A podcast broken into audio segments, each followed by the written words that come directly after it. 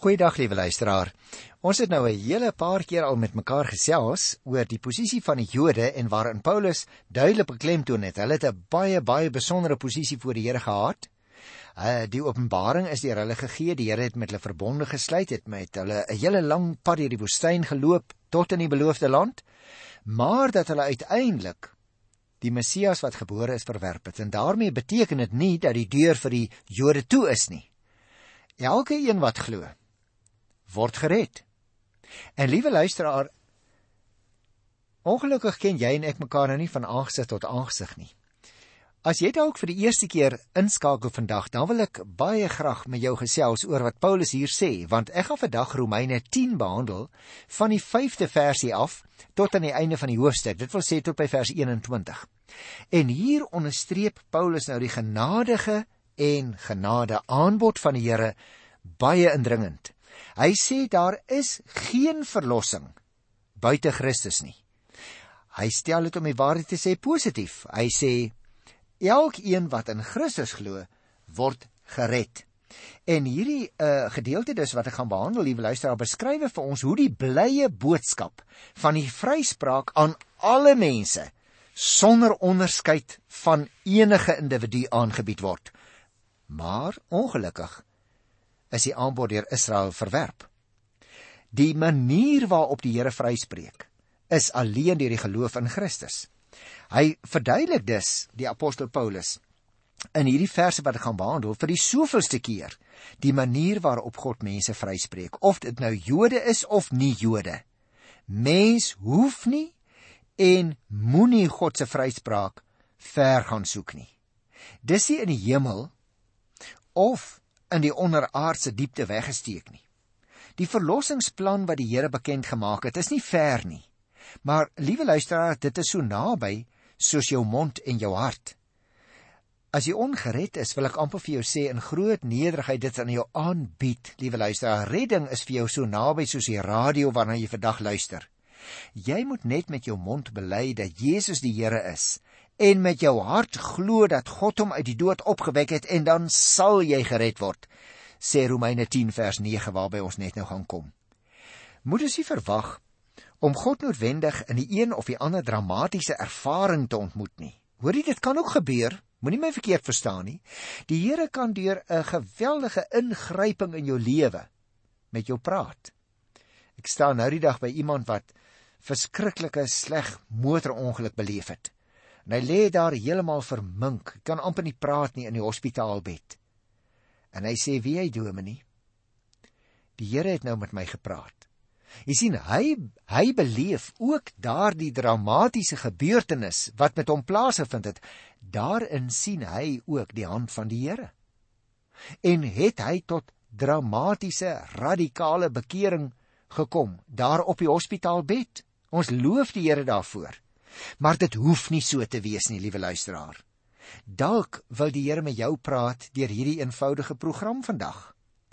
Dit hoef dus nie 'n dramatiese ervaring te wees nie. Dit kan so wees, dink maar aan Paulus se bekering daar op die pad na Damaskus in Handelinge 9, of dat jy nou juis na 'n spesifieke plek toe hoef te gaan of met 'n beroemde geestelike leier moet gaan praat voordat jou lewe verander hoef te word nie. Nee.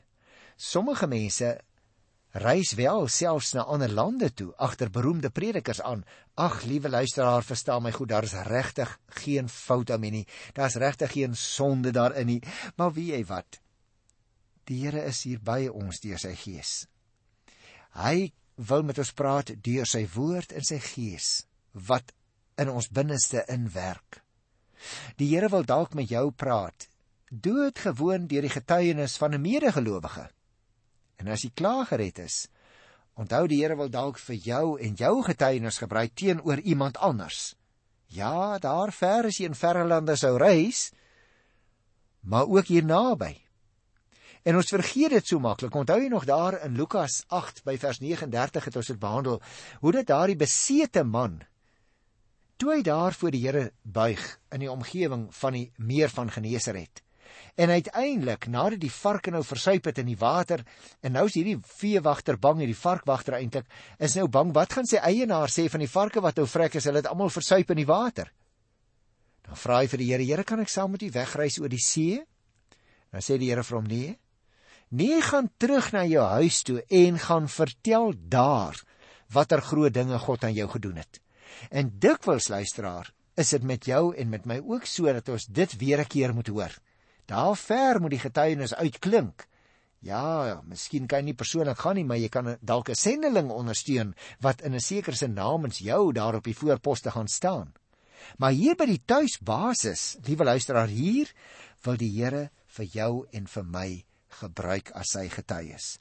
Dood eenvoudig vir ons ook gebruik om uiteindelik daar te kom soos wat daar hier in Romeine 10 by die 9de vers geskrywe staan as jy met jou mond bely dat Jesus die Here is met jou hart glo dat God hom uit die dood opgewek het dan sal jy gered word. Nou ja goed. As ons nou uh, met mekaar begin gesels oor hierdie versies dan wil ek dadelik vers 5 en 6 lees. Romeine 10 vers 5 en 6 luister so 'n bietjie. Moses skryf naamlik van die vryspraak op grond van wetsonderhouding.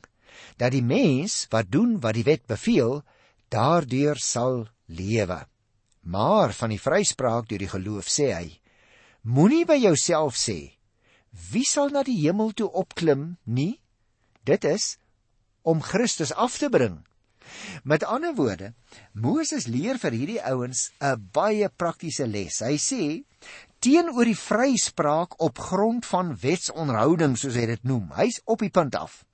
Waar alle klem natuurlik op die doen daarvan val om so die ware lewe te ontvang. Al Paulus nou vir Moses aan, beklemtoon die apostel nou daarteenoor dat dit by die vryspraak omdat 'n mens glo juis nie om ons inspanning gaan nie, maar waarom? Paulus sê deur die geloof. En vir hierdie doel maak hy dan nou gebruik van hierdie baie mooi Ou Testamentiese gebeurtenis, hoofsaaklik van 'n deel uit Moses se afskeidsrede daar in Deuteronomium 30. Onthou jy ons het daaroor gepraat, daar van die 12de vers af toe ons daardie boek Deuteronomium behandel het. Maar baie verrassend. In Deuteronomium gaan dit juis oor die wet wat beskryf word as synde nie ver bo die hemel of oor kan die see nie, maar tog so naby aan Israel. Die godsdiens word in die wetsonhouding juis nie gesien as die krampagtige nakoming van gebooie nie, maar as 'n persoonlike, liefdevolle saak van die hart. Gaan lees gerus weer in Deuteronomium 30 by vers 6 en ook by vers 10 dan sal jy dit sien. Dit gaan nie daar soos ons soms dink in die Ou Testament oor die onderhouding van 'n wet nie. Maar dit gaan oor 'n verhouding. Nie oor 'n reeks stipulasies nie. Die stipulasies het ook die Ou Testamentiese gelowige gewys in die rigting van God. Maar dit gaan nie oor die stipulasies nie. Gaan nie oor die wette nie. Dit gaan oor my verhouding met God. God wat van sy kant af in sy genade reeds in die Ou Testament die wette en die stipulasies gegee het. En daarom by hierdie baie goeie Ou Testamentiese oortuiging sluit Paulus nou aan as hy dit wat in die Ou Testament op die wet toegepas word. Naamlik, dit gaan daaroor 'n verhouding sê hy, maak hy nou die vryspraak deur die geloof ook in die lig daarvan duidelik. Hy sê man, dit gaan oor 'n verhouding met God in die eerste plek. En hiermee lyk dit vir my liewe luisteraar, wil die apostel onder meer aantoon dat die vryspraak vir die wat glo 'n eg Ou Testamentiese lyn voortsit terwyl die Joodse leermeesters wat van die wet 'n monster gemaak het wat die onmoontlike van die arme mense geëis het uit pas was met die bepalinge van die Ou Testament self. Dit is baie belangrik dat ons dit sal sien. Jy kan nie sê luisteraar In die Ou Testament is die mense gered deur die onderhouding van die wet nie. Dis nie waar nie. Is nie 'n korrekte stelling soos ons dikwels hoor nie. In die Ou Testament is mense gered deur hulle verhouding met God. En die wet, die riglyne, die bepalinge het die Here gegee om vir hulle te sê wat hy van hulle verwag nie sodat hulle gered kan word nie, maar omdat hy van sy kant af sy hand op hulle geplaas het en vir hulle gesê het: "Julle is my volk." En elkeen uit hierdie groep wat gaan reageer op wat ek vir julle sê. Daardie persoon wat in 'n nuwe verhouding met my kom, daardie persoon word gered, nie omdat julle die wet onderhou nie. Ons sien dit baie duidelik uit uh, vers 6. Ek gaan dit nog 'n slag lees voor ek aangaan. Maar van die vryspraak deur die geloof sê Moses: Moenie by jouself sê: Wie sal na die hemel toe opklim nie? Dit is om Christus af te bring. Of luister nou na vers 7. Wie sal na die onderaardse dieptes toe afdaal nie? Dit is om Christus uit die dood terug te bring. Want jy sien, ons moet nou ook onthou as Nuwe Testamentiese gelowiges, kan ons nou ook nie sê nou wat moet ek doen sodat Christus nou weer opstaan. Ek hoor mense soms bid, liewe luisteraar, Here, stort tog u gees uit. Dit kan nie gebeur nie. Die Heilige Gees is reeds uitgestort. Net soos die Here Jesus reeds gekom het, het die Heilige Gees ook reeds gekom. En daarom luisteraar, is dit ewe min nodig om Jesus uit die onderaardse diepte te wil terugbring om die Heilige Gees weer uitgestort te kry. Dit het immers al alles reeds plaasgevind, sê die apostel. En daarom dink ek moet ek nog 'n bietjie met jou gesels oor hierdie 6de en 7de vers, want dit is verskriklik belangrik dat ons sal verstaan, luisteraar, teenoor die wetswerke stel Paulus die geregtigheid wat uit die geloof kom. Ek wil vir jou sê, kom ek sê dit andersom. Teenoor die wetswerke staan die geloofsvrug. Omdat ek Christus aanvaar het in die geloof, kom daar nou seker dinge as dit ware outomaties onder werking van die Heilige Gees in my lewe tot gestalte. Paulus gaan egter betreklik vry om met hierdie aanhaling wat daar in die Ou Testament van die gebod van God gesê word, pas hy nou hiertoe op geloofsgeregtigheid. Natuurlik luisteraar, ek wil dit herhaal. Paulus is nie besig om 'n uitleg van die genoemde teks te gee nie, maar om woorde wat daar gebruik word aan te wend in 'n nuwe situasie om te verduidelik hoe dit met die geloofsgeregtigheid gesteld is. Daarom kan hy aansluit by uitdrukkings wat in die Ou Testament voorkom, byvoorbeeld opklim na die hemel toe, né? En wat sterk herinner aan wat met die Here Jesus gebeur het, sê nou maar sy hemelvaart. Paulus bring egter heel party wysigings in die oorspronklike teks aan. Hy gebruik net die bewoording, die terminologie wat die Jode baie goed geken het, omdat vreemde woorde vir hulle baie moeiliker sou wees om te verstaan. Daar bestaan dus vir Paulus, liewe luisteraar, 'n direkte verband tussen die eenvoud van die gebod wat mense na God toe wou dui, waarvan daar in Deuteronomium sprake is, en die eenvoud van die geregtigheid deur die geloof. Want die geloof verbind ons ook aan God. Net soos die geloof in die Ou Testament mense aan God gebind het. Hoe gebeur dit? Omdat die Here van sy kant met die Ou Testamentiese gelowige begin het Net so begin die Here van sy kant met jou en met my. Ons geregtigheid lê nie in onsself nie. Met ander woorde, teenoor die onmoontlike weg van geregtigheid deur wetsvervulling wat verdien moet word, stel die apostel daarteenoor die eenvoudige weg van die geloof in Christus. Hy het alles gedoen om die geregtigheid vir ons te verkry. En so gesien, liewe luisteraar, is die aanhaling uit Deuteronomium volkome in pas. Die doen van God se gebod is alleen eenvoudig vir die wat in die genade van die Here lewe.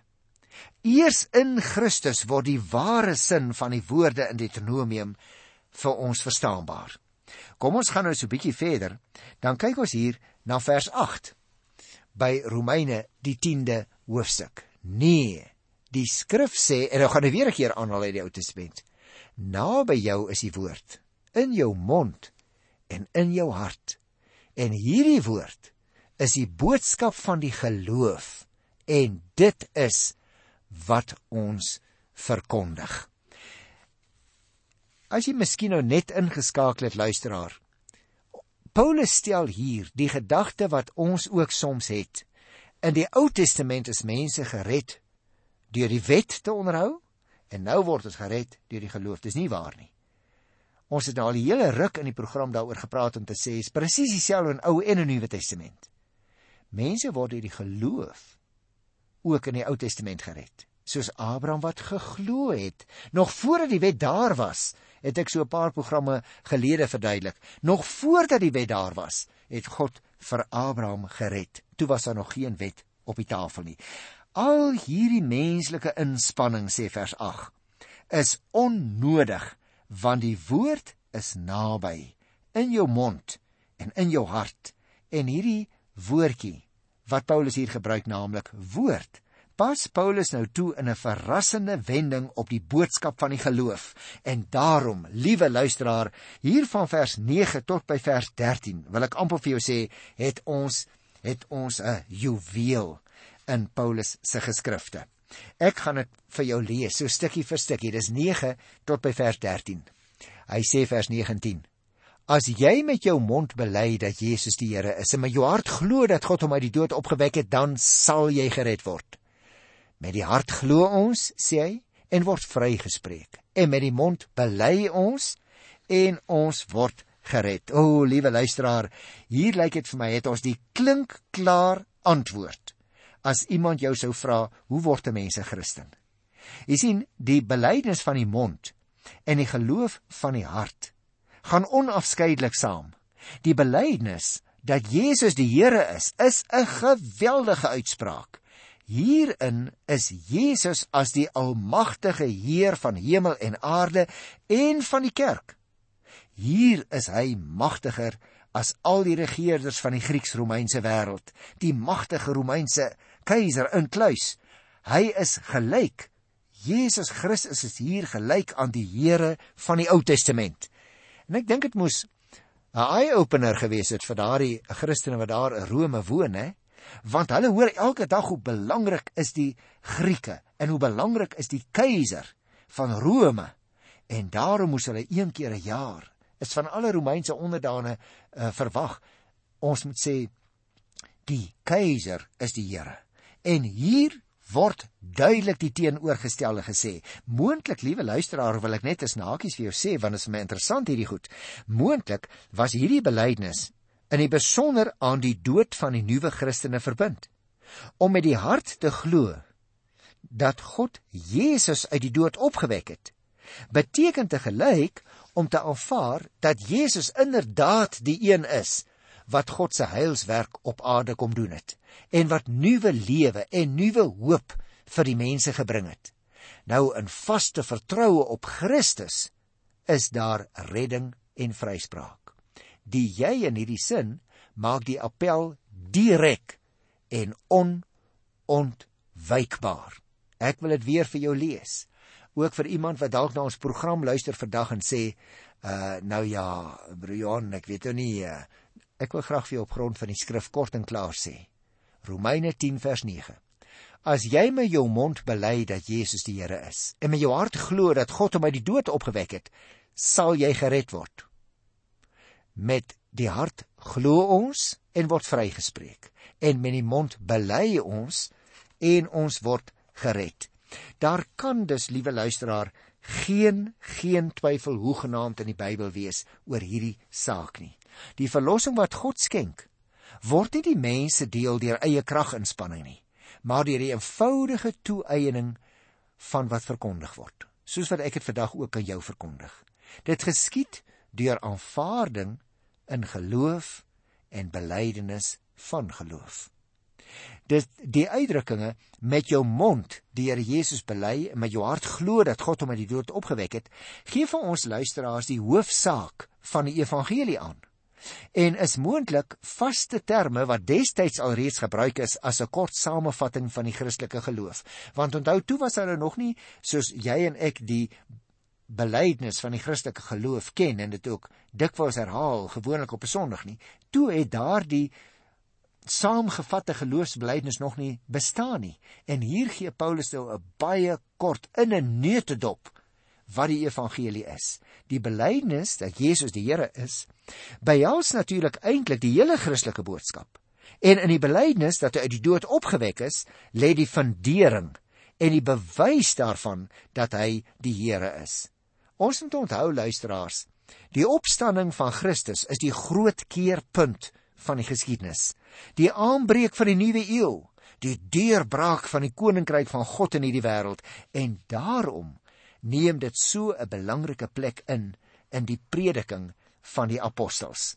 Nou in die laaste stukkie wat ek vandag wil doen en ek gaan so klein bietjie vinniger daaroor kry ons weer die hartseer verhaal dat Israel die evangelie verwerp het.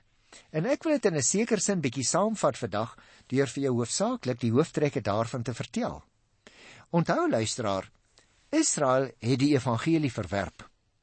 Nie omdat hulle dit nie gehoor of verstaan het nie, maar omdat hulle God se manier van vryspraak gee nie wou aanvaar nie.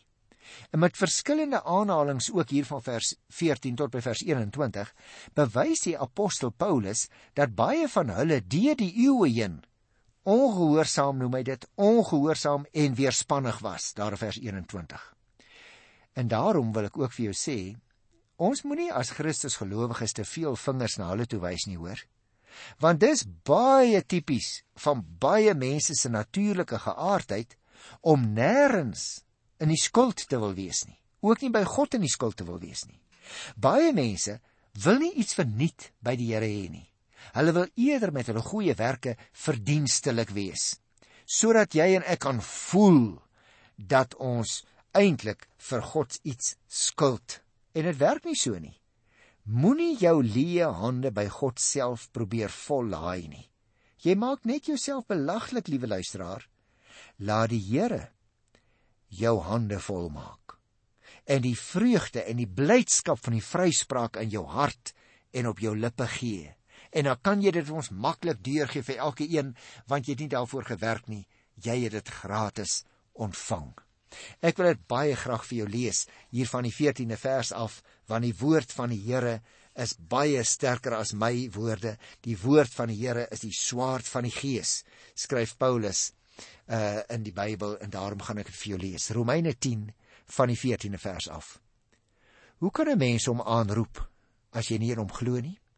En hoe kan jy in hom glo as jy nie van hom gehoor het nie? En hoe kan jy van hom hoor sonder dat iemand is wat preek? En hoe kan iemand preek as hy nie gestuur is nie? Daar staan ook geskrywe: Hoe wonderlik klink die voetstappe van die wat die goeie boodskap bring. Die Israeliete het egter nie almal aan die goeie boodskap gehoor gegee nie. Jesaja sê immers: Here, wie het die prediking geglo wat ons gehoor het? Die geloof kom dus deur die prediking wat 'n mens hoor. En die prediking wat ons hoor, is die verkondiging van Christus. Maar 'n mens sou kon vra: Het die Israeliete dan nie die prediking gehoor nie? Al te seker het hulle dit gehoor. Die skrif sê: Hulle prediking het oor die hele wêreld weer klink. Hulle woorde tot by die uithoeke van die aarde. Of 'n ander vraag. Het Israel dit dan nie verstaan nie? In die eerste plek wys ek op wat God deur Moses sê en haal Paulus weer aan uit die Ou Testament. Ek gaan julle jaloers maak op mense wat nie 'n volk is nie en julle kwaad maak oor 'n volk wat nie julle kennis het nie. En Jesaja gaan selfs verder, daar sê God: Ek het my laat vind deur mense wat my nie gesoek het nie. Ek het verskyn aan mense wat nie na my gevra het nie. Maar van Israel sê God: Dag vir dag het ek my hande uitgesteek na 'n ongehoorsame en weerspannige volk. Luisteraar, wat beteken dit vir jou en vir my? Dit beteken ons is gered uit genade. En ons moet oppas dat ons baie woorde praat, maar dat ons hart nie daarin is nie. Dat ons wil preek vir mense, maar dat ons lewenstyl nie die Christelike geloof demonstreer nie. Dat ons voorskrifte vir mekaar wil opstel. Ander mense wil toets aan my eie doen en late. Ek word uiteindelik die norm. Nee, liewe luisteraar. Verlossing kom deur mense wat glo. Nie deur mense wat vir ander ouens wette opstel en vir ander mense vra en sê jy moet sus lewe en jy moet hierdie ding los en jy moet daardie ding doen. Dit werk nie so nie. Het jy die persoon by die Here Jesus Christus uitgebring? Mag ek jou 'n laaste vraag vra? Is jy self al by hom? Tot volgende keer. Totsiens.